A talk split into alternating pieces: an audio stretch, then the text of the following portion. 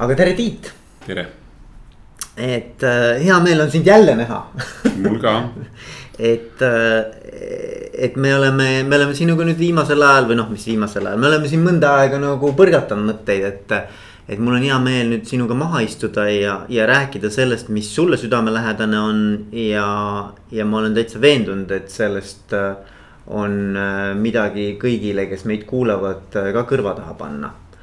Et, et sina oled organisatsioonide arengunõustaja. no ma olen endale selle tiitli nagu ise võtnud et sellise, selle valdkonna nagu spetsialiste ma ei tea nii väga, et kes oleks, kes oleks noh, täiesti noh, julgevad öelda, nad on organisatsiooni arengunõustajad. aga see on väga kihvt tiitel, räägi, mis selle taga on või mis, kus sa selleni jõudsid? no tegelikult on ikka iga, iga sellise juhtumisele on mingid eelnevad juhtumised ja, ja, ja sündmused ja. ja on ka teatud küsimused, teatud probleemid, millele me otsime lahendust nii oma isiklikus elus, nii organisatsioonide, ettevõtete elus. ja kuidas ma selleni jõudsin, jah. et tegelikult noh, kuna ma olen tegelenud nii erinevates organisatsioonides, ettevõtluses, kooli, hoolekogus, kooli juhtimises ja nii edasi. Et siis mind hakkaski huvitama see, et, et mis on siis need mm, iseloomulikud tunnused, märksõnad, millega millega siis tegelikult organisatsioone juhitakse, et mis on siis need olulised ähm, märksõnad, mille kaudu saab aru, et kas organisatsioon areneb või ei arene mm. -hmm. ja miks osad lähevad siis, hukkuvad ja lähevad pankrotti ja osad, osad on jätkusuutlikud ja, ja ellu jäävad. Et, et nendele küsimustele ma otsin vastust, noh, ütleme alates oma, oma ülikooliõpingutest, majandusküberneetika, see on ka nii-öelda majanduse juhtimine läbi matemaatiliste mudelite süsteemide, aga, aga nii-öelda globaalse majanduse juurest jah, seesama küsimus on ka, et kuidas siis ettevõtlust juhtida, kuidas ettevõtteid viia mm, mööda õiget arenguteed ja mis see õige arengutee nagu on mm. -hmm. mulle hästi meeldib äh, ja mis, mis mind tegelikult väga kõnetas, ma lugesin ühte artiklit, see on küll vana artikkel. aga ma lugesin artiklit, kus te äh, koos äh, Aivar Halleriga Mhm. rääkisite sellist ettevõtluse ja ettevõtete arengufaasidest. ja, ja sina oled tegelenud äh, ettevõtete sihukese elukaare või, või, või arenguetappide analüüsiga ka, et.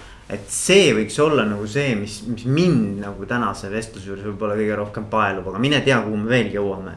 et kui sa räägid natuke, et, et, et mi, mi, millest millest selline huvi ja kuidas sa selleni, selleni jõudsid ja, ja mida sa teinud oled selle, selle arenguetappide teooriaga mm? -hmm. et tegelikult on niimoodi, et eh, jah, juba peale ülikooli töötades erinevates organisatsioonides eh, ma märkasin ja panin tähele nende, nende probleeme ja, ja äh, takistusi arengul ja nii edasi aga noh, ja uurides kirjandust, ma ei leidnud sellele küsimusele vastusele, et kuidas siis tegelikult organisatsioonid ja ettevõtted arenevad. ja, ja esimese vastuse või noh, ühe esimene, esimeseks allikaks oli see, kui ma olin siis nii-öelda eh, Waldorf kooli lapsevanemana ja, ja seal mulle sai selgeks, et missugused on lapse arenguetapid ja sealt edasi inimese arenguetapid et see oli nagu esimene impulss ja teine impulss oli see siis, kui ühel, ühel seminaril, kus oli kuskil Poolas, ma kuulsin, üks esineja kirjeldas siis seda, et missugused on organisatsiooni ettevõtte arenguetapid ja faasid mm. -hmm. Ja kui ma seda kuulsin, siis mul käis niimoodi. klikk ära ja. klikk ära, et, et see on ju huvitav, et seda ma olen ju tegelikult otsinud, et see on nagu olnud minu, minu selline väike probleem, millele ma olen otsinud lahendust mm. -hmm ja sealt see asi al algas ja, ja nii ma jõudsingi mm, härra Klaaslini, härra Liivekuudini ja, ja, ja nende, nende, nende töödeni ja, ja nende organisatsioonideni. sa, sa oled ise nagu selle, nende raamatuga toimetanud jah, ja and-. ja, ja kui ma jõudsin jah, selle Friedrich Klaasi saksakeelset, ta on, tema on ise austerlane küll ja, ja Bernhard Liivekuud on, on mm, hollandlane, aga kui ma jõudsin Klaasli ja Liivekuudi selle raamatuni dünaamische äh, Unternehmen, Entwicklung, dünaamisch Unternehmen, ettevõtte dünaamiline areng. Et siis ma algul lugesin seda endale, aga ma, mulle tundus, et see raamat on piisavalt huvitav, väärtuslik, et seda tõlkida ja toimetada ja välja anda siin Eestis mm. -hmm. ja kuna ma siis kedagi teist ei teadnud, keda see teema oleks huvitanud, siis, siis ma võtsingi selle mm, -hmm. selle ülesande enda, enda kanda ja, ja, ja nii see algas. väga äge, väga äge, aga kui me nüüd et kui me, kui me, kui me peaks nagu lühidalt üle, sihukese ülevaate andma, et, et mis, mida see dünaamilise arengu, ettevõtete dünaamilise arengu teooria siis nagu äh, väidab või, või ütleb, et, et kui sa seda peaksid nagu hästi sihukeses nagu lihtsas ja üldises keeles ütlema, et mis asi see on, mida ta nagu püüab edasi anda mm? et, et siis oligi, et see teadmine lapse, inimese arengust, ettevõtte arengust ja, ja, ja natuke siin tekkisid paralleelid ka ühiskonna arengule. Et ja kui nüüd püüda nüüd hästi lühidalt ette võtta, sellest ülevaade anda, siis, siis see, see noh, sellised esmased märksõnad ongi, et noh, et inimese mm, elukaares võib määratleda selliseid noh, ütleme neli kõige olulisemat arenguetappi. see on lapsepõlv, noorukiga täiskasvanuiga ja küps, küps elufaas. Ja, ja, ja samad etapid võib, võib määratleda ja ära märkida ka siis ühe oratsiooni puhul. aga oratsiooni puhul on, on need eh, nii-öelda märksõnad siis natukene teised ja erinevad ja, ja aga need märksõnad siis iseloomustavad seda, milline on siis eh, selle ettevõtte oratsiooni kujunemise arengufaas mm. -hmm. ja need on? ja need on siis ütleme pioneerifaas ehk algusesfaas. et äh, esiteks, teiseks on siis diferentseerumis ehk jaotumisfaas, et kui ettevõtte kujunemisel ta hakkab äh, see kujundavad mõtted, ideed realiseerivad toodetes, teenustes, need. Need, see maht nagu kasvab, siis mingil hetkel selle sama mahu juures peab ettevõte hakkama looma struktuurseid üksusi, osakondi, see on siis diferentseerumine, et terviklik ettevõtte kasvamisel peab ümber kujundama omale teatud struktuursed osakond, et paremini neid tooteid, teenuseid pakkuda. Et see on nagu teine faas ehk ja selle faasi nimetus ongi siis diferentseerumisfaas mm. -hmm ja diferentseerumisfaasi järgselt siis on, et sealt edasi, kui selles oratsioonis ta on saavutanud oma küpsuse sellest diferentseerumisosakondade kujunemises. aga kui seal tekivad sellised olulised probleemid, mis saavad nagu takistuseks edasile arengule siis, siis juba arengu uuel tasemel toimub nende selle organisatsioonis nii-öelda selle noh, esimese diferentseerumise kõrval tuleb selline sisemine väga selge integreeritud protsesside mm, väljakujunemine. mis siis need eelneva etapi nagu ületatakse sellega, et see muutub hoopis mm, tulemuslikumaks, efektiivsemaks ja, ja, ja, ja küpsemaks. et, et saavutatakse teatud erinev küpsus, mis ületab igal juhul neid organisatsioonide efektiivsust ja saavutuslikkust, mis on, on siis omati nagu eelmises faasis mm. -hmm. ja kui see sisemine integreeritus ehk protsesside mm, siis mm, selline teatud optimaalne kujunemine saavutatud sisemiselt, siis seesama printsiip levib ka väljapoole suhtes keskkonnaga, see on siis juba assotsiatsiooni ehk väline sidususe faas mm. -hmm. ja nii võime eristadagi sellist neli, neli etappi, neli faasi organisatsiooni arengus, mida me saame kirjeldada ideaaltüüpiliselt. aga kui me nüüd vaatleme meie ümber olevaid organisatsioone, siis me saame selgelt eristada, et ahaa, see organisatsioon on alles alustanud, tal on sellise esimese faasi iseloomulikud tunnused.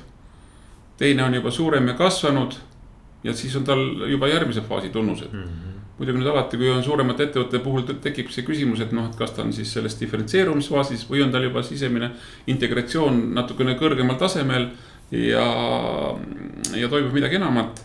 ja neljas faas on ka see, et, et, et võib-olla ta on juba siis ka väljunud nii-öelda assotsiatsioonifaasi. Aga nüüd, et seda mõista, siis me peame nagu selle, et, et, et nüüd selleks, et seda mõista, jah, nüüd ma andsingi või noh, tooks sisse nagu need märksõnad, et süsteem, evolutsiooniline lähenemine e, e evolutsiooniline, see kirjeldab neid ettevõtte arenguetappe, aga süsteemsus on ka see, et kui me ühte ettevõtet kui kooslust vaatame siis on seal olulised nii-öelda elemendid ja allsüsteemid. mis siis igas selles arengufaasis on olemas, aga nendel organisatsiooni olemuselementidel ja allsüsteemidel on siis erinev kvaliteet mm. -hmm. erinev ja igas faasis on oma põhiülesanne, ja kui see põhiülesanne saab täidetud, läbi selle tekivad teatud probleemid, kitsaskohad, konfliktid ja, ja see ja tekivad kõrvalprobleemid, mis siis omakorda valmistavad ette üleminekut järgmisesse faasi võib-olla kõige lihtsam, ma mõtlen, et kuidas seda nagu äh, kuulajatel ka mõista oleks, et, et neil kõigil on mingi kogemus, mingisugune reaalne selline nii-öelda organisatsioonide ähm,.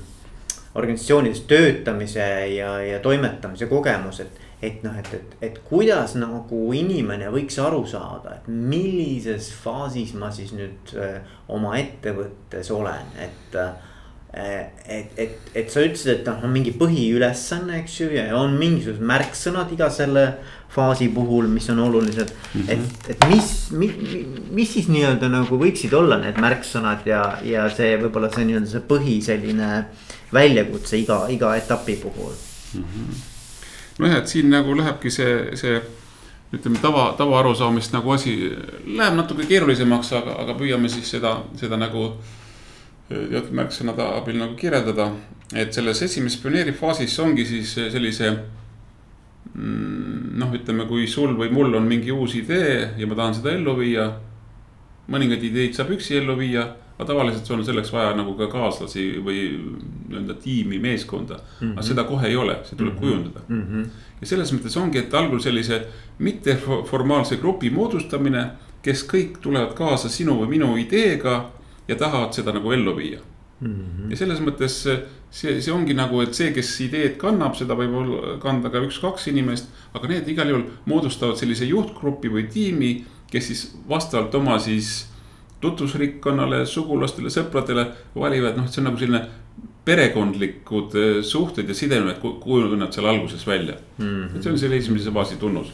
et see on nagu siis mingisuguse sellise olemasoleva mingi vajaduse Märk,. märkamine, märkamine välises ja, keskkonnas on ju, milleks, kas sul või mul on mingid mingi oskused ja lahenduseks mingi superlahendus või. visioon, kuidas see asi nagu paremini ära lahendada, kui võib-olla tänas, täna seda tehakse, eks ole. ja see on selleks käivitavaks, eks ju aga pioneerifaas on ta, miks ta pioneerifaas on, see ongi see, et on nagu mingi ja. esmane sihuke uus. et, et kõik on nagu uued, kõik on alustajad, noh mm -hmm. selles mõttes me võiks panna ka mingi startup faas või mis iganes okay., eks. aga mm -hmm. kõik ei ole, osad on elustiili ettevõtted ja mm, -hmm. ja selles mõttes see et, et algselt kellelgi tuleb ideega välja, mis, mida ta tahab ümbritsevale keskkonnale toodet, teenust pakkuda. ja, ja kas ta teeb üksi või mitmekesi, et ta on nagu selles osas selle toote teenuse osas nagu pioneer, kes selle esmane välja okay, pakub okay.. ja sageli mõni ka kordab, et noh, mõni uus ehitusfirma, mõni uus pood, eks mõni uus kohvik, aga tema jaoks, selle, tema organisatsiooni jaoks on ta nagu selles pioneeri seisuses, kes mm. siis hakkab seda et, et meil võib olla ka nagu haridus ja ettevalmistus, aga, aga ikka, et, et selles etapis me peame siis kõik need alustaja jaoks olulised aspektid nagu läbi käima mm., on ju. sest meil, kui meil kogemust ei ole, siis meil on algul noh, väga palju küsimusi, et kuidas ma ikkagi alustan ja kuidas ma motiveerin teisi ja kuidas ma neid kaasa haaran ja. ja, ja kas kõik ikka saavad aru ja, ja, ja siis ma valin, et noh, mida üks oskab, mida teist oskab, et kuule, tule sina, sina oskad seda ja ja, ja sõpradelt kogun raha, kui on hea idee, võib-olla saab, noh, pank kindlasti kohe alguses annab, aga, võib-olla mingid riskiinvestorid. ja kui ma olen veel kuskil inkubaatoris või, või sellises äh, ka spetsiaalses keskkonnas, kus otsitaksegi ja on mingid tehnoloogiapõhised või keskkonnapõhised, noh, neid valikuid on palju. aga igal juhul, et, et moodustada selline terviklik kooslus, kes alguses on noh, natukene heas mõttes mitteformaalsed suhted ja antakse minna, eks, et hakatakse seda toodet välja arendama selleks, et seda pakkuda. lihtsamate asjade puhul on see väga keeruline, et kui ma näiteks mul on naine kokk ja, ja, ja mina oskan nagu ütleme, ruumi kujundada ja mul on mingi kapital, siis me panemegi mingi väikse tänavanurga kohviku püsti, et kus on head söögid ja mõtleme välja seal omad mingid sloganid. aga kui me läheme mingi see IT-valdkonna või siis seal on keerulisem, siis on seal natuke mm, teised mm. mustrid, aga põhiliselt ongi see, et siis, siis eh, kujundada välja selline toimiv meeskond, idee, kes seda ideed hakkab ellu viima. -hmm.. okei. Aga, aga nüüd ütleme, kui pikalt see kestab, no ta võib kesta väga erinevalt, erinev pikkus, eks ole, aga mis, mis on seal mingisugused siuksed nagu ajalised nagu dimensioonid ka juures või? ja vot nüüd ongi, et, et kui on nagu, mida lihtsam on see äri või ettevõte, noh, ütleme mingi kohvik või autoparandustöökoda siis see võibki jääda sellesse pioneerifaadi aa, okei, igavesti, eks, Aa, aga okei. aga kui ma ikkagi näiteks öö, töötan noh, mingi IT-tehnilise mingi lahenduse, mingi uue programmi või mingi Apple'i analoogi uue mudeli. on ju, siis on, hakkavad hoopis teised mängud, et, et, et, et selles mõttes, et. et kui me teeme seal, õnnestub meil mingid proovipartiid valmis teha või, või lahendused, et, et siis ja see asi läheb töösse et ja tellimused on, et kliendid näevad, see on hea asi, hakkad ostma. et, et siis on selle, et, et seda, et sellise välise nõudluse kaasa minna, siis peab hakkama, okei okay,. sellest viiest, kuuest, seitsmest inimesest enam ei piisa mm. -hmm. meid on vaja viiskümmend, kuuskümmend, sada inimest, eks. noh, ja see on siis noh, selge kasv, et, et selleks, et siis selle toote järele nõudlust rahuldada. ja nüüd, kui me lähme kümne pealt saja peale, siis samamoodi perekondlikult, sõbralikult enam läbi saada ei saa, siis on selge, et et kui üks muidu tegelikult, Jaan tegeles varustamisega, Tiina tegeles võib-olla turundusega, siis nüüd on, Tiinal on turundusosakond, Jaanil on transpordiosakond, keegi on varustus ja tekivad osakonnad, struktuurid. ja siis ora- osakondade struktuuride, see ongi diferentseerumine. Mm., tervik jaotub osadeks mm. nii, mis see toode või teenus nagu nõuab. Ja see on juba järgmine faas, diferentseerumisfaas. nojah, aga ma mõtlen nagu seda, et, et kui sa ütled, et mõni ettevõtmine jääbki pioneerifaasi, eks ju. ja noh, kui me, kui me, kui me seda defineerime läbi selle, et kui palju on tegelikult inimesi erinevaid äh, selliseid spetsialiseerumisi mm. -hmm. et siis tegelikult väga paljud ettevõtted jäävadki pioneerifaasi, sest et tegelikult väikeettevõtted on ju väga suur osa. absoluutselt jah, aga pärast me jõuame nende juurde veel tagasi okei, et okei. et, et, et pigem on see, me püüame nagu kirjeldada sellist ideaaltüüpilist arengufaaside rada, on ju. sest alati on need, kes ka pioneerifaasis juba ei saa hakkama, lähevad pankrotti. noh, neil ärid ei ole piisavalt tugev, ei ole piisavalt läbimõeldud, ei jätku ressurssi, ei jätku inimesi, mis iganes mm. -hmm. et alati on see nii-öelda tee, mis läheb allapoole ja võimalus kasvada mm, -hmm. et see nüüd oleneb, kuidas siis turg või, või kliendid vastu võtavad seda Nõus. meie uut toodet nõus ja ja läbi selle saab kasvada mm. -hmm. kui on nõudlus Mm -hmm. minu, meie pioneerifaasi toote järele, teenuse järgi, see loob eeldused kasvuks. okei, aga siis liigume edasi, me oleme nüüd diferentseeritus, diferentseeritus. diferentseerimisfaasis jah. diferentseerimisfaasis, eks ole. nüüd, mis on see järgmine katalüsaator, mis lükkab meid siis järgmisesse integratsioonifaasi?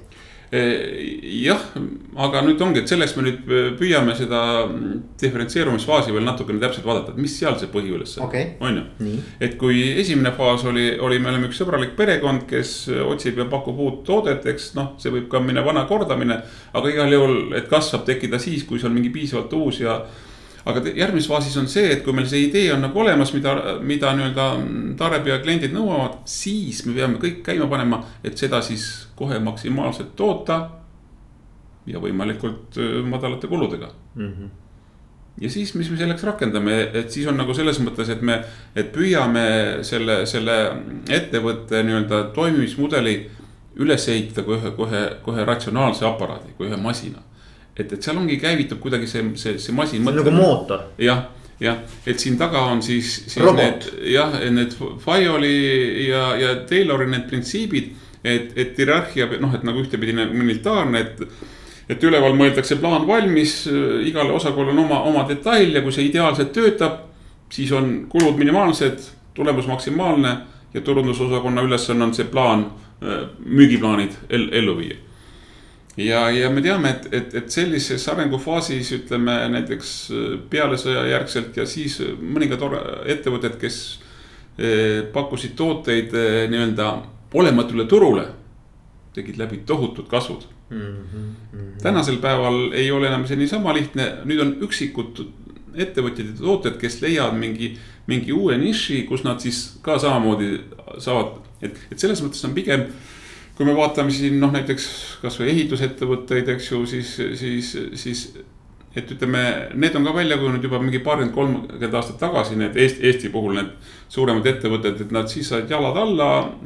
tulid, sisenesid sinna diferentseerimismaali, kujunesid omad struktuursed üksused ja, ja turud ja, ja pandi need asjad oma siis ühesõnaga need funktsionaalsed grupid nagu tööle ja, ja asi nagu, nagu liikus väga positiivselt edasi, aga nüüd jah, et, et, et see küsimus oligi, et noh, et, et, et, et mis on need eeldused või mis on need tingimused, et, et üldse oleks vaja minna edasi, et võib-olla ei olegi rohkem kaugemale vaja minna. võib-olla see teine faas. või näiteks, et kas, kas mõelda näiteks, et noh, et, et ähm, kuidas inimene tunneb ära, et, et noh, et, et ma olen selles diferentseerituse faasis või, või et ma olen diferentseerimisfaasis või, või et, või et ma olen äh, hoopis juba liikunud edasi, et noh mm -hmm.. siin on kaks poolt, et jah, et ühtepidi, kas, kas ja kuidas juhtkond ära tunneb ja kas ja kus, kuidas seal altpoolt. et tegelikult juhtkonna ülesanne ongi siis sellise äh, äh, ökonoomselt ja, ja optimaalselt juhitava nii-öelda aparaati ülesehitamine, mis oleks siis nagu rasa, rahamasin.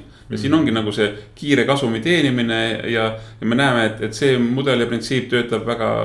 et seal on nagu selline ja, efektiivsus on just, asja nagu põhi, põhi. see on nagu, nagu e-, e esiplaanil ja selle nimel siis lükatakse asjad käima. ja selles mõttes ongi see, see põhiprobleem, mille lahendus on see juhitava aparaadi ülesehitamine. ja nüüd, kui see nagu siis mingil määral hakatakse saavutama siis vot siis tekib see, et, et, et nüüd on nagu need probleemid hakkavad pihta nii organisatsioonist, ettevõttest väljapool kui ka organisatsiooni siseselt.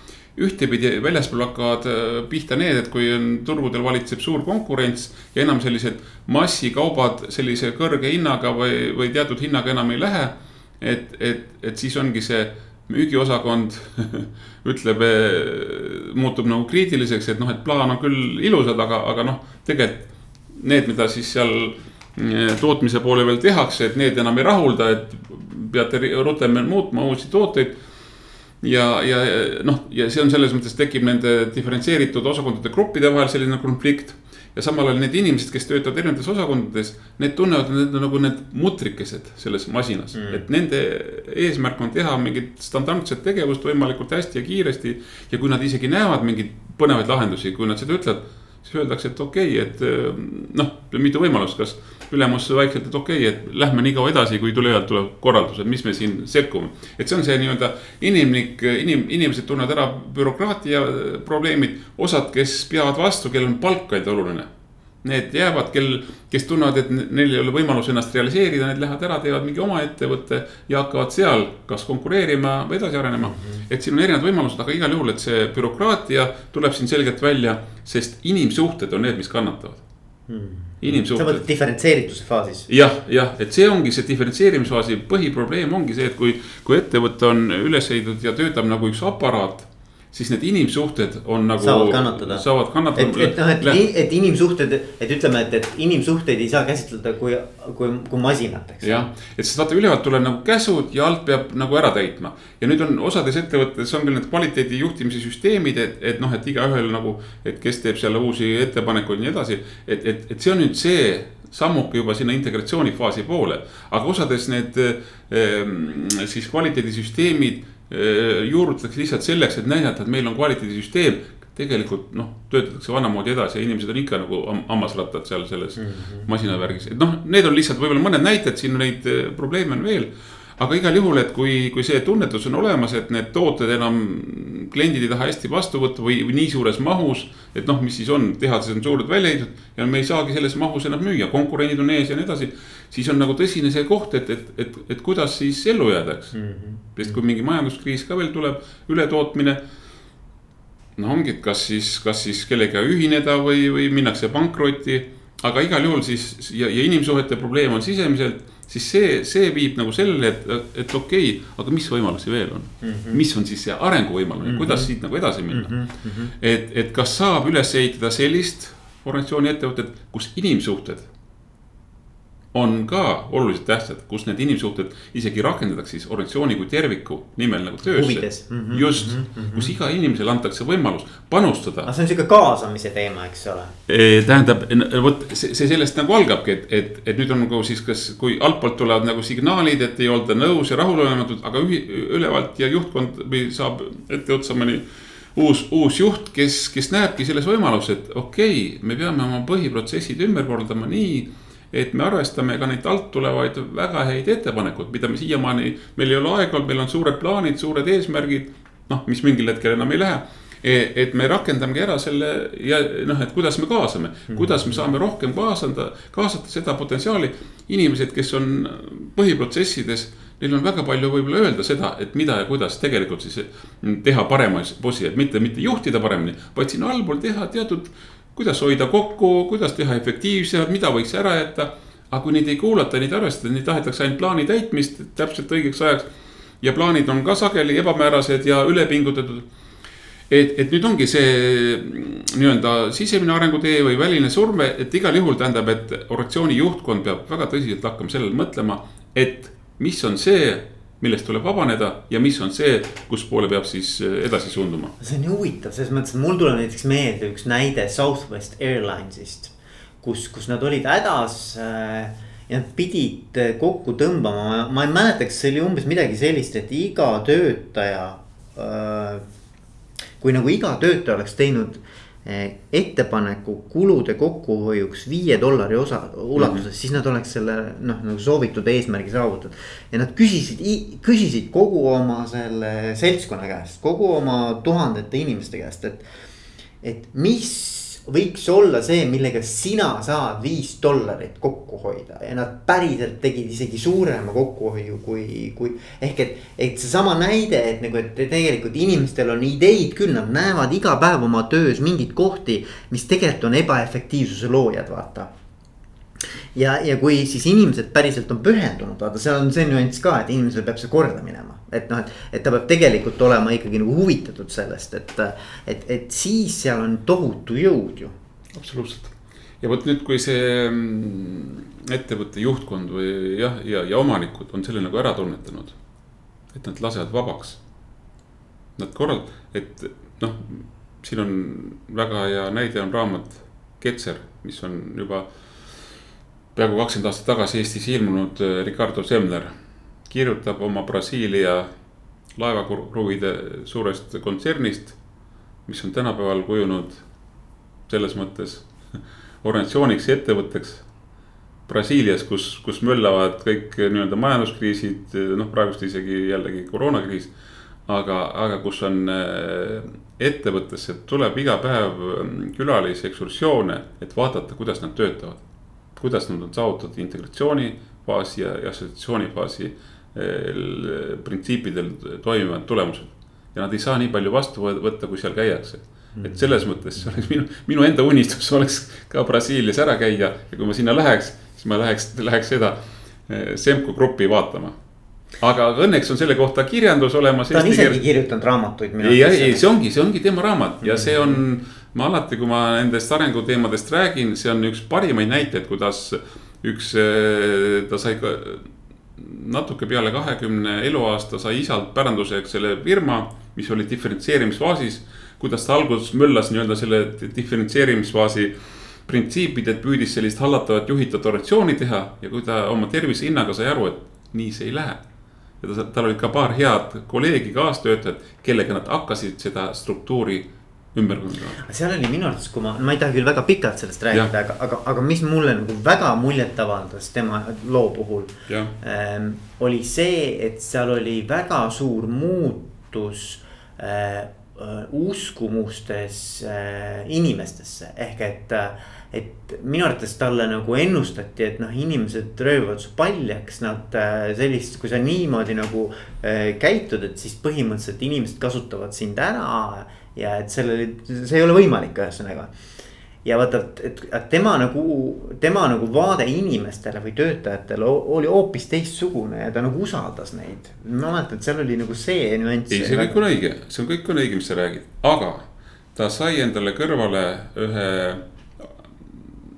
personali arendusdirektori, kellel oli eelnev kooli kogemus, hariduslik kogemus mm. -hmm. ja kes oli loonud ka vist Brasiilias ka sellise erakooli, kus olid hoopis teised printsiibid kui tavakoolis, sest mm -hmm. tavakoolis ju valitseb ka hierarhia valitseb äh, selgelt suurtes koolides diferentseerimisfaasi printsiipidel põhinev koolijuht, kooliorganisatsiooni juhtimine mm. -hmm.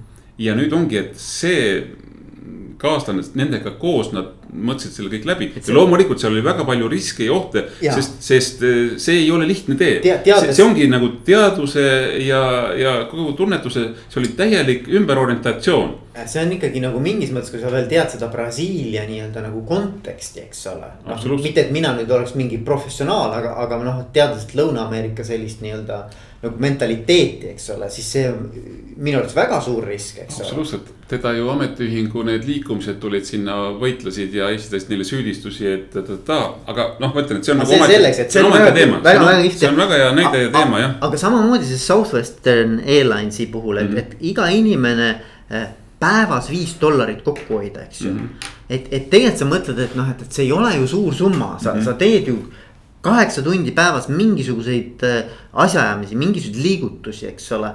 ja sa näed kõike seda, mismoodi see toimib ja kui sa nüüd need inimesed saad nagu sinna taha. no see on nagu mega, mega. jah, aga see ongi mõtlemise muutmine et see selline tavaline klassikaline ülevalt alla autoritaarne juhtimine, sa pead muutma. sa pead noh, ütleme ja mis on siis selle integratsioonifaasi sisu. sa pead aru saama, mis on need põhiprotsessid sinu organisatsioonis. kuidas alati sellest, et kliendivajaduste väljaselgitamine turus, toodete teine osas, kuidas see töötatakse läbi, no kui sul varasem on mingi kogemus olemas. siis sa, siis sa noh, et sa õpid tundma, et kui suured need vajadused tegelikult on ja mida klient tegelikult tahab et sellele vastavalt püüda siis äh, anda need läbi arenduse tootmisesse, varustusse ja, ja siis on ka, et need tooted, partiid õigel ajal, õigetel tingimustel ja inimesed on kaasatud. Need, et, et, et selles mõttes põhi, need, kes on põhiprotsessis, nemad vastutavad, neile vastutuse andmine, nendele usaldustingimuse loomine, et nad võivad alati öelda, et stopp.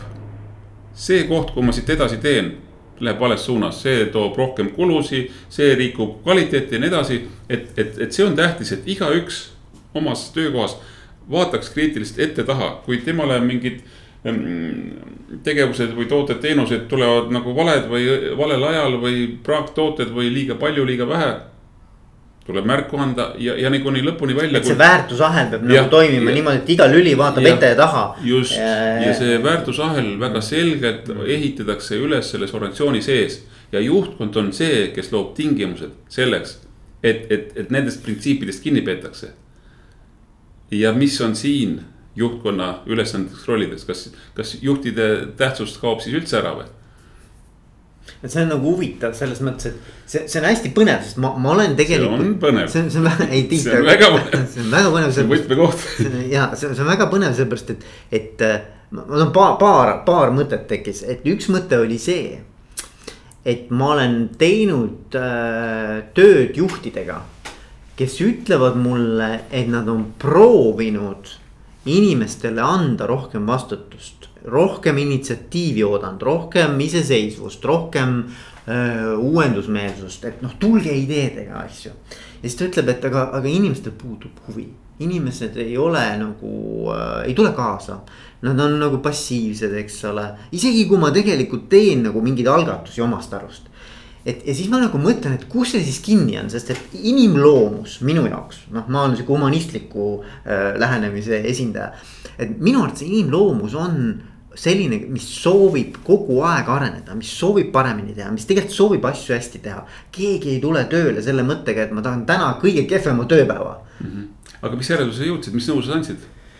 Eh, no vaata, selles mõttes nagu ei, no ma ei saa öelda, et me kuhugi oleks jõudnud, sellepärast et. Äh, aga mis oli see põhisõnum või oli sul mingi põhisõnum või no selgelt see kuskile jah jõudsid. no aga... minu, minu, minu enda sisetunne ja. sellest vestlusest on see, et kuidagimoodi see juht on ise eh, oma tegevusega näidanud, et seda initsiatiivi ikkagi ei oodata. noh, et, et, et, et mingil moel ta ise on selle süsteemi osa, kus ta tegelikult mängib väga olulist rolli, et see süsteem ei toimi nii, nagu ta tahab on minu nagu tunnetus. jah, väga õige vastus, sest ongi, et kui sa varem ei ole seda teinud, siis on väga raske neid inimesi käima tõmmata, kui sa varem oled.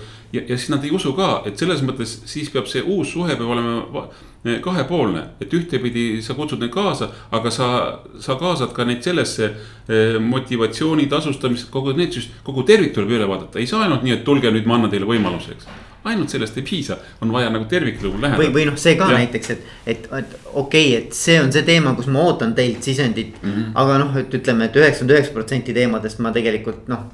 no just jääb ikka nagu endiseks. et, et ja. siis inimestel sama, et, et ma arvan, et see on nagu, see on nagu laiem teema, aga, aga ma arvan, et see küsimus, mis võib tekkida kuulajatel on see, et no kuule, aga inimesed ei ole sellised, inimesed ei tahagi kaasa rääkida, inimesed ei tahagi. no tegelikult ma ei usu seda, ma arvan, et tegelikult inimese sisemine selline nii-öelda äh, soov ennast teostada, ennast arendada on kogu aeg olemas. lihtsalt, et küsimus on, kas see keskkond ja see õhkkond ja see kultuur ja need väärtused, kas need nagu toetavad selle avanemist või noh, nagu. et kas inimene läheb õitsele, vaata. just, väga õieti ütled jah, et selles ongi probleem, et juhtkond peab nagu selgelt võtma endale missiooniks sellise tervikliku ettevõtte or, organismi nagu välja arendada, et noh, et kõik tunneksid, et, nad orgaaniliselt selle osana.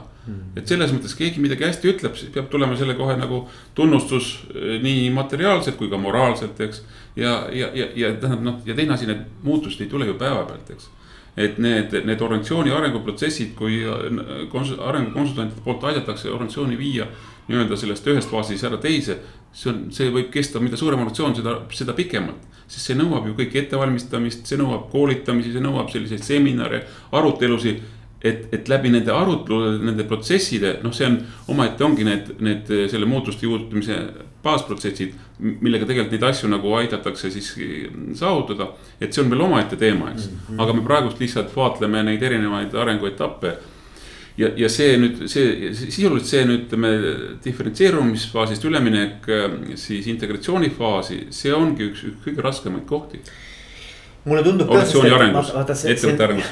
ma olen veel, noh veel, veel näide, eks ju, no huvitav on lihtsalt põrgatada mõtteid, et võib-olla kuulajad tunnevad ka ära, eks ju, et näiteks, et.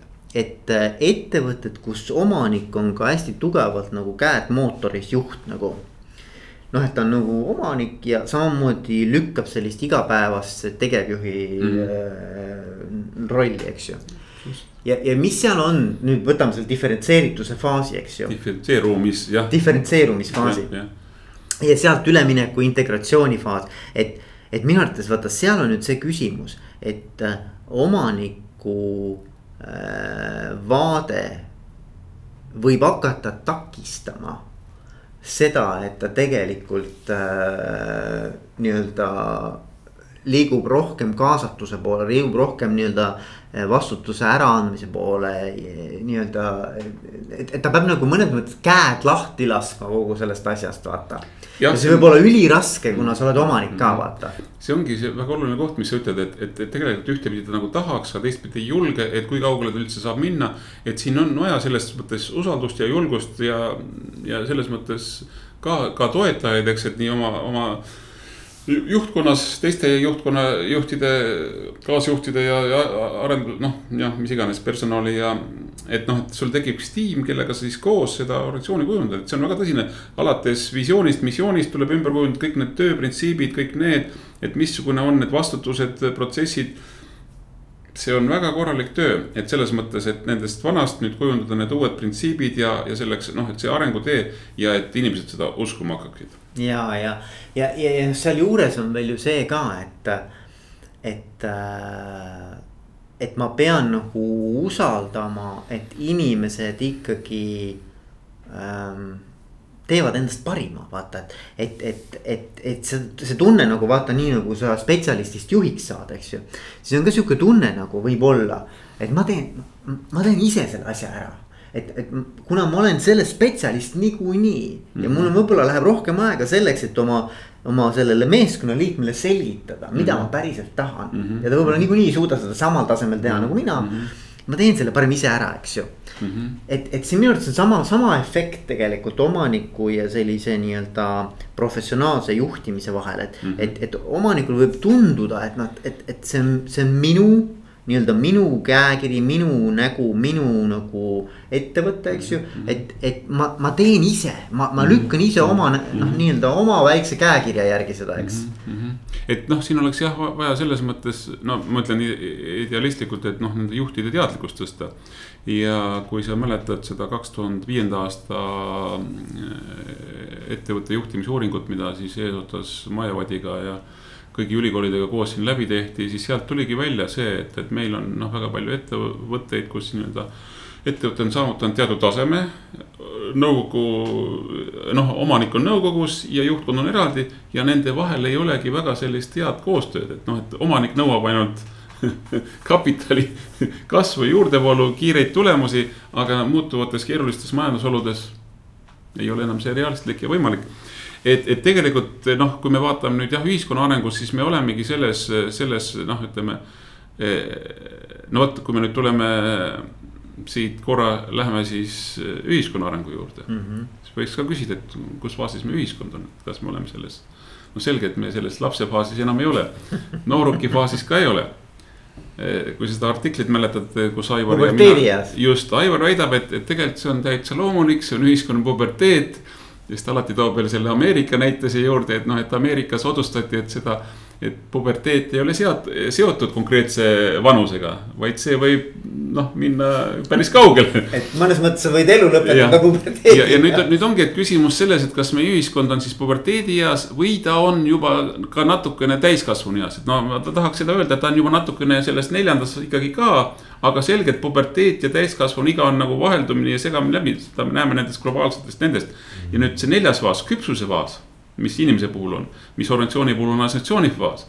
seda noh, ma ei tea, selle kohta jälle võib öelda, et on üksikuid saarekesi, nii-öelda piltlikult selles maailma globaalses. aga räägime natuke, et ütleme, et, et tõesti, et ütleme, et me oleme seal integratsioonifaasis nii-öelda nagu juba oma ka sellise küpsusastme saavutanud, kuidas siis nüüd sinna assotsiatsiooni faasi liikumine käib? et noh, see eeldused on see, et see mentaalsus on nagu kujunenud, inimesed mm, vastutama põhiprotsesside eest. ülemused usaldavad, nemad usaldavad ülemusi, et on saavutatud teatud selline orgaaniline terviklik lähenemine ja, ja kõik on huvitatud sellest, et firma läheks hästi et jälgitakse seda, mis toimub turul, turule vastavalt muudetakse siis tooteid, teenuseid, noh, spetsiifikat, mis iganes ja, ja ja, ja nüüd noh, vot selles faasi eri ja omapära on see, et vahel ka meil on sellised ettevõtted, et nendes ettevõtetes, siin on üks oht on see et, et nähakse, me oleme parimad, me toetame oma inimesi, meil on kõik hästi. et siin minnakse nagu uhkeks ja egoistlikuks, eks mm. -hmm. et me oleme juba saavutanud ja mis teie seal olete kõik nii edasi. et see on nagu üks oht, teine oht on või noh, teine probleem, mis tekib, on siis see. et noh, nende teatud valdkonnas näiteks kui ütleme mingi toitlustussfäär või, või, või ütleme ka mingid tootmissfäär, et siis vajatakse seda, et tegelikult, et kui me vaatame organisatsioonist väljapoole, siis me tahaksime, et meie nii-öelda tarnijad, kliendid, partnerid, hankijad lähtuksid samadest printsiipidest. et, et selles mõttes see sisemine integratsioon väljuks organisatsioonist nagu väljapoole. see on see koostöö sidusus keskkonnaga, see on see assotsiatsioon mm., ühine sidus, et, et selles mõttes, et me teame, et kust ja kuidas võetakse maha see, see palk metsas, mis ajal, me teame, kust tuuakse see kohvijuba, missuguse tööjõuga. ja me teame ja, ja siis on. või need autoosad, eks ole. just, või autoosad jah, kuidas need tehakse ja, ja teistpidi, et kuidas siis nad, kes on need meie edasitarnijad. ja kuidas me saame oma kliendi vajadused, kuidas me korjame need kätte. et selles mõttes see integreeritus väljub organisatsioonist väljapoole ja tekivad selliste ettevõtete koostöö konglomeraadid. kus on siis ühtne visioon, mõtlemine ähm, keskkonnateadlikkus on suurem, jätkusuutlikud eesmärgid, see jätkusuutlikkus, mis integratsioonifaasis oli juba hästi oluline. et mitte, mitte kasum ei ole kõige tähtsam, vaid kõige tähtsam on siis kliendile vajalik, kliendi vajaduste rahuldamine ja jätku, noh, ettevõtte organisatsiooni tegevuse jätkusuutlikkus et noh, kui on nagu mingit valet asja tehakse, siis on nagu mõistlik, et antud ettevõte kinni panna või antud ette hakata midagi muud tegema, mis on nagu jätkusuutlik, eks. ja siin on ka nagu oluline see et mis ressursse kasutatakse, kuidas nii-öelda need tootmisjäägid ära mm, kasutatakse uuesti või taaskasutusse võetakse, et kõik need probleemid, nii-öelda keskkonna probleemid muutuvad väga tähtsaks selles, selles tarneahelas, selles koostöös ja see on see ja siin on nagu siis vaja nagu kokku leppida, et, et on nagu paindlikud hinnad oma partneritega. paindlikud tähtajad, ühtsed põhimõtted, printsiibid, et seesama inimeste tiimi koostöö, see läheb ka siis erinevate müügimeeste, erinevate varustajate vaheliselt. ja, ja see on nüüd ka veel hoopis raskem ülesanne, on ju, et kui me oleme sisemiselt selle saavutanud, et me need, me otsime sarnaseid ettevõtteid. ja siin võib muidugi vahel juhtuda ka niimoodi, et, et me noh, ütleme suures, suurel tasemel neid selliseid partnereid isegi ei leia, aga vot siis võivad ka vahel noh, sellised mõned väiksed pioneeriettevõtted, kes. kes, kes näiteks, et kui meil on mingi tehas, nad on meie lähedus seal, kas teevad meile toitu, aga väga orgaaniliselt ja, ja mõistlikul viisil, mõistliku hinnaga, eks. on ju, et selles mõttes, et siin selles koostöös võib olla erineva faasi ettevõtteid mm, -hmm. aga nad mõistavad seda printsiipi mm. -hmm. ja samas, kui see läbi selle assotsiatsioonifaasi koostöö, nad saavad ka impulsse oma arenguks mm. -hmm. et vaata, see on nagu selline vastastikune rikastumine ja vastastikune väljaarendamine et see on jällegi selline ideaalse pildi kirjeldamine, sest tegelikkus need asjad on alati, on keerulisemad ja need võtavad aega.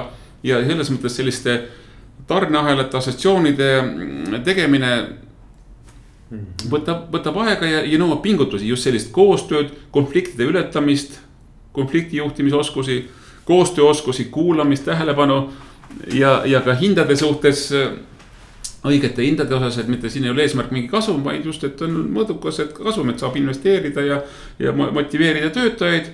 ja, ja see on nagu eesmärk mm. -hmm. Ja see on, see on juba nagu selles mõttes, et et mingis mõttes sa ei vaata enam mitte nagu ettevõtte heaolu. vaid sa tegelikult vaatad nagu kogu ühiskonna heaolu, nagu see muutub nagu selliseks nagu. nagu, et, et, et mõnes mõttes nagu maailma teemaks või noh, selliseks globaalseks teemaks, eks ole. et, et, et sa, sa näed, et sa oled edukas siis, kui sa oled saanud mõjutada mitte ainult oma ettevõtte nii-öelda mm -hmm. sisemisi osapooli mm, -hmm. vaid et sa oled saanud tegelikult ka kogu ühiskonna ja sotsiaalsele mm -hmm. sfäärile nagu mm -hmm. lisaväärtust luua, eks ju mm. -hmm. et siin ongi see põhiülesanne, et ettevõtte läbipõimimine nende keskkondadega nii-öelda. et kui muidu oli organismi väljakujundamine ühes ettevõttes, siis on nagu sellise biotoobi, noh, mis on looduse mõiste, aga sotsiotoop. et erinevate organisatsioonide eh, võimalikult eh, hea koostöö. kas, kas, räägi mulle, kas mõni ettevõte, noh, tuleb sul nagu ette, kes see võiks olla juba seal nagu? et, et no. mõni hea näide noh. et no vaata selles mõttes siin, kui me Eesti ettevõtteid vaatame, on, on üks ettevõte ProExpert, kes on selgelt nagu mm, integratsioonifaasis ja, ja see, kuidas nad oma, oma partneritega suhtlevad ja koostööd teevad.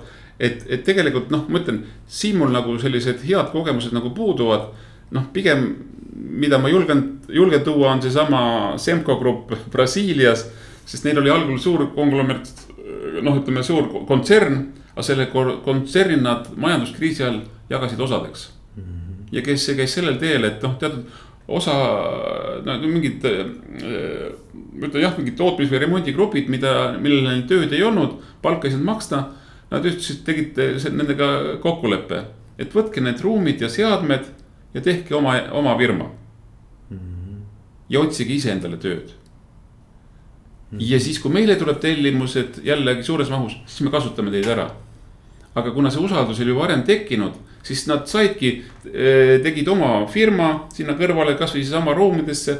ja, ja kui nad said mäel ja siis hiljem tekkisidki, et, et üks Semco Grupp, selles mõttes ongi, seal on palju siis väikseid ettevõtteid kes siis teevad koostööd Semcole ja kui Semcolt ei ole midagi neil tellida, siis nad otsivad ka ise tööd, eks. Ja, ja, ja, seal oli nagu selles mõttes see usaldus ja kvaliteet, et noh, see on nagu selles mõttes üks, üks väga super näide jah, et miks ma seda välja veel toon. ja siis ma mõtlen, kas, kas noh, kas ma oskan mingeid noh, ütleme. et selliseid näiteid võib-olla on, on veel siis ka Euroopas ja need on siis ütleme selliste sotsiaalsete, eetiliste võib-olla pankadega seoses, eks kes siis, kes siis on klientideks erinevatele biomahetootjatele, ettevõtjatele, koolidele, haridusasutustele, meditsiiniasutustele, ravimitootjatele. ja, ja, ja nende kliendid ongi sellised ja, ja seal ümber tekib see, et ütleme ka pank. oma arengus on jõudnud sinna ja läbi oma arenguga, et, et, et panga eesmärk ei ole mitte omanikele kasu teenimine, vaid panga eesmärgiks on Eh, oma, oma klientidele vajaduste rahuldamine jah, noh, ütleme niimoodi, et, et, et ega, et mitte vale muljet ei jää, et, et mõte on ikkagi, et ikkagi me teenime ka raha. ja, ja, ei tähendab, et selles et, mõttes et, raha. keegi, kellelgi ei jääks seda muljet, et raha ei, ei ole oluline, raha, raha on ikkagi tegevuseks oluline. aga selles mõttes seal on nagu võib öeldagi, et, et need sotsiaalsed eetilised pangad on nagu selles mõttes ühistulised pangad, et, et nende liikmed on ka nende omanikud, eks. ja selle rahaga on täiesti selged printsiibid, et on selline nii-öelda lisaks selline krediidilaenu nendele on ka siis nii-öelda äh, investeerimisfondid ja on ka nagu kinkefondid. et teatud valdkondadesse antakse seda raha mm. -hmm. ja need on see sellised sfäärid, kus, kus ei ole võimalik kasumit teenida, need on haridus, tervishoid isegi mõningatesse teadusprojektidesse, kus siis selle valdkonna inimestele luuakse tingimused, et ta saab arendada mingit ühiskonna jaoks mhm. vajalikku teenust, toodet et see on jällegi nagu uus mudel, aga see haakub selle assotsiatsioonifaasi printsiibiga. ja, ja, ja, et noh, selliseid näiteid ma võib-olla oskan natukene niimoodi, aga jah, ütleme selles mõttes meie ühiskond Eestis, me oleme nagu arengu, arenguteel nagu sinnapoole ja. ja, ja noh, ütleme jah jah, et isegi ma ei, ma ei julgeks ühtegi konkreetset teha, sest ma ei ole ühegi sellise ettevõttega ei ole noh, sattunud sinna juurde, et ma oleks saanud teda nagu põhjalikumalt diagnoosida või uurida. aga, aga vaata sellised ettevõtted, no ma jällegi ei taha väga pikalt sinna minna, aga ma mõtlen, et noh, tuua näitena, eks ju, nagu mm, -hmm. nagu nagu on see Zappos, eks ole, äh, või on see tomati Morningstar, tomat, tomati. Äh, tootmis ja, ja, ja, ja müügifirma, eks ju. ja see on Rein näiteks Lauloksi raamatust, eks, et ta toob seal päris häid näiteid ja ta just otsis, otsis ja uuris neid suuri, suuri ettevõtteid, kes on samal ajal nagu sotsiaalsed ja, ja ettevõtlikud ja, ja inimese arengut toetavad, et see on nüüd eraldi valdkond jah, et, et nende näidete üle selles samas Klaas ja ka oma meeskonnaga Trigonis nagu analüüsivad ja on neid nagu vaatlenud ja kirjeldanud, et see on see nagu omaette, omaette valdkond ja Laloksi neid arengumudeleid ja juhtimisprintsiipe, et, et see on nagu hea näide, see on noh, üks, üks omaette hea näide, sest noh, teine hea näide on sellele nii-öelda, kui me vaatame globaalselt ikkagi on need nii-öelda siis eh, suured autotootmisfirmad, eks noh, Jaapanis Toyota, mis on siis eh, lean management, et seal on nii-öelda. nii-öelda siis ongi see assotsiatsiooni faas, siis põhinebki selle printsiibile, et, et, et on tootjad, tehased, siis on investorid, siis on väiksemad eh, turundus- ja müügigrupid ja. aga noh, ma ütlen nende suurte puhul ongi vot nüüd üks, üks eripära, mille peab välja tooma, et kui me vaatame neid ideaalpilte, siis me kirjeldasime ära sellise ideaalkirjelduse aga kui me vaatame reaalseid organisatsioone, siis reaalsetes organisatsioonides võib olla niimoodi, et me suuremates üksuses mõned osakonnad toimivad siis äh, integratsioonifaasi tingimustel, mõned tehased on täiesti diferentseerimisfaasis ja mõned on pioneerifaasis okay.. aga nad on ühes suures selles yeah. ja nüüd on, kui me vaatame, mis on selle, selle suure organisatsiooni siis põhiprintsiip, siis noh, mõned on. suures printsiibis on näiteks Volkswagen on pereettevõte aga mõned tootvad üksused on täiesti integratsioonifaasis. et noh, selles mõttes suure korporatsiooni puhul on need täiesti noh, peab nagu konkreetselt vaatama, ei saa öelda, et tervik on kõik ühes faasis. aga neil on selle, selles, selle faasi. ole. jah, see on nende faaside tunnuseid ja nüüd me muidugi tahaksime, et noh, et ideaal oleks see, kui, kui ütleme, ka see omanikvirva, ütleme, omanikud jõuaksid sealt arengust edasi ja, ja. ja noh, siin on nagu hästi olulised printsiibid, et, et, et igal juhul, et, et need mm, juhid, kes töö, et ütleme, niikaua kui juht, juhtkonna inimesed on, on selle ettevõtte tööga otseselt seotud. niikaua nad ja sinna panustavad, saavad nad sellest, sellest ettevõtet siis raha või, või, või, või töötasu, eks, või noh, mingit kompensatsiooni. aga kui nad enam sellega otseselt seotud ei ole, see on see tänapäeval see omanike, omaniku staatus. et, et siis sest et noh, ütleme ideaalpildis see ettevõte peaks kuuluma nendele, kes sellega siis ühiskonna jaoks midagi kasulikku teevad mm. -hmm. et see on nagu tänapäeva mõttes natukene selline ehmatav asi, et noh ja nagu see assotsiatsioonifaas ka mõni mõnes loengus, kus ma olen neid asju rääkinud, öeldakse, et kuule, et noh, sa siin räägid jälle kommunismist või. see, see etapp on meil läbi, eks. ma, ma seda tahtsin ka, sellele ma viitasin, et kui sa okay. ütled, et, et kasum ei ole oluline. et, et, et tegelikkuses nagu ma arvan, et need asjad on ikkagi seotud, eks ju, raha teenimisega ka, aga, aga point ei ole raha teenimine, raha teenimine on kõrvalprodukt et, et, et selle asja mõte on ikkagi mingisuguse väärtuse pakkumine kliendile, eks ole. absoluutselt jah ja.. aga, aga tulles nüüd, okei okay,, tuleme veel korra, võtame sellise helikoptervaate vaatame neid erinevaid siis äh, ettevõtte elukaare faase.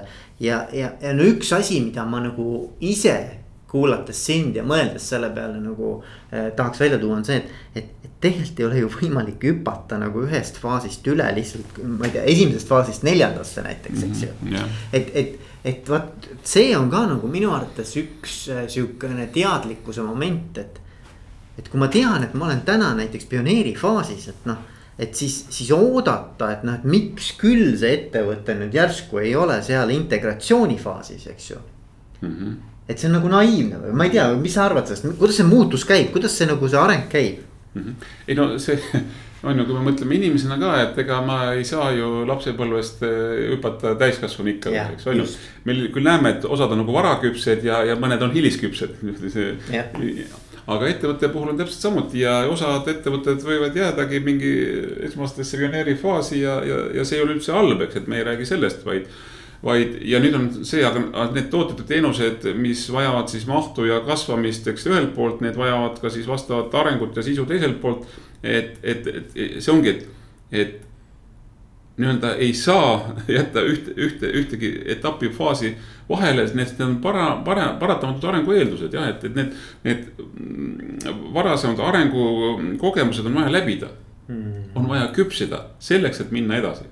et, et selles mõttes, et tekiks see teadlikkus ja, ja noh, ütleme nii nagu inimese elufaaside puhul on ka Liivekuud kirjeldab need nagu seitsmeaastastest tsüklitega, aga mis ei ole absoluutsed, vaid noh, ütleme pluss-miinus, eks, et et mõnel on areng natuke kiire, natuke parem, aga noh, et kui sa hakkad seitsmeaastase tsüklidega enda elugi tagasi vaatama, siis. siis sa võib-olla ka märkad ka, et mis hetkel sul tekkis mingi huvide muutus või uued eesmärgid. ja, ja nüüd ongi, et, et ka ettevõtte arengu puhul, et mõned võivad toimuda väga kiiresti. ja nüüd on ka, seal on ka võib öelda, et mingid teatud seitsmeaastased tsüklid on, eks, et, et kus, kus võiks tekkida mingi küpsus et see on nagu, nagu lihtsalt üks selline üldine aspekt, aga tegelikult väga palju oleneb nendest inimestest, kes selles ettevõttes nagu kokku satuvad. Nende eelnevast varasemast kogemust sest nii nagu mõned, mõned ettevõtjad, kes on korra mingid startup'id üles teinud, kui nad tulevad juba uuele ringile. on ju, neil läheb see asi juba hoopis kiiremini, neil on kogemus selja taga, et nad küpsevad nagu rutem. areng toimub kiiremini mm., sest arengu eelduseks ongi teatud kogemuste olemasolu ja teatud meeskonna koostöö olemasolu et kui, kui kõik on verisulis, siis, siis kiire areng võib olla nagu noh, nagu lotovõit, eks, noh, mida võib ka juhtuda.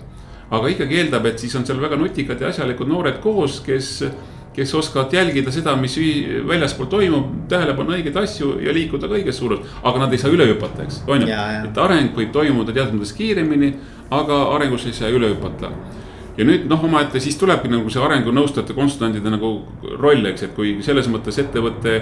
Kes, kes on ära tunnetanud, et ettevõttel sellised arengufaasid on ja kes tunnetab ka ära, et kus nagu tema on. et kui ta tahab nagu edasi arendada, siis ongi, et kas ta noh, ta võib ka seda täiesti ise teha, nii nagu see Semco Grupp ja, ja. ja, ja see on nagu hea näide aga, aga samas on ka see, sellepärast ongi noh, Trigon on nagu siis selles, selleks ennast nagu loonud ja kujundanud, et, aidata organisatsioone Eh, minna nagu huma-, humanistlikult arenguteed, eks, on ju. sest et, et sellisest röövkapitalismist, sellest nagu vabaneda, sest see küll võimaldab ühtedel ettevõtjatel teenida superkasumeid, aga samas ta võib külvata ka sellist eh, muret ja õnnetust igale poole. aga et, et organisatsioonid õpiksid minema seda loomulikku arenguteed, jõuda sinna, kus, kus kus inim, inimprobleemid on ka lahendatud ja inimesed saavad noh, ütleme, et sa teed, tuledki tööle hea meelega, sa teedki tööd hea meelega, sul võib olla küll tööpinge küll, aga see on nagu selline edasiviiv pinge, nii et sa saad ennast rakendada. ja see, see on see humanistlik tee, eks. ma mõtlen just, et, et nagu, et juhtidel ka näiteks, et kui sa tuled uude meeskonda või uude organisatsiooni juhina et siis võib ka olla selline tunne, et nad sa oled nagu sattunud, ma, ma ei tea, oleneb siis, et oled sattunud kümme aastat tagasi või oled sattunud pigem just nagu väga uuendusmeelsesse seltskonda või, või noh, mingisugusesse teist, teistsuguse väärtusmaailmaga seltskonda. et, et ma mõtlen lihtsalt sellist nagu kohanemisvõimet ja, ja ka noh, et sul on juhina vaja sellist äh, rahulikkust nagu, et, et sa, et sa, kõik ei käi nagu selle tempo või selle arengu äh, kiirusega, mis, mis, mis sulle omane on, vaata mm., et, et sa pead juhina tegelikult ikkagi oma sammud ja oma nii-öelda selle äh, liikumiskiiruse määratlema lähtuvalt selle organisatsiooni hetke staadiumist või võimekusest liikuda mhm, edasi, eks ju. Mhm. et mis etapid seal kõik nagu selleks vajalikud on, et, sa ei saa hüpata üle oma varju, vaata noh, mhm. mul nagu see mõte, sest et, et, et. et juhtidel pahatihti on ju sihukest kärsitust ja sihukest nagu ei ole sellist nii-öelda seda patience'it, eks nojah, et, et selles mõttes sa, siis on nagu see, et sa pead tunnetama, et, et, et kus sa nagu oled ja, ja mis seisus see sinu ümbrus on, et, et jah, mis situatsioon on. mis on need probleemid ja, et kas need, kas, kas nii-öelda see väline surve on liiga kiire, sa ei jõua nende kaasa minna. või vastupidi, et justkui kõik on liiga aeglane ja sa ise tahaksid kiiremini minna. et sealt tekib see vastuolu. just, just, just, just, et noh, et, et juhina olla teadlik, et, et see ei ole mitte nagu kuidagimoodi noh, nagu tema vastu või, või, või et, et see, see ei ja. ole, et keegi ei tee seda nagu ja, meelega vaata. vaid et see on loomulik kasvu tempo või et see, see mm -hmm. on nagu see, mille, mida see ettevõte peab läbi käima selleks, et jõuda kuhugi mm. -hmm. aga nüüd, nüüd sellega seoses, kas ma võin siin tuua nagu ühe sellise mõiste nagu sisse. et see eeldab siis, et juhil teatud sellise tavaklassikalise juhi oskustele oleks veel mingeid oskusi mm. -hmm.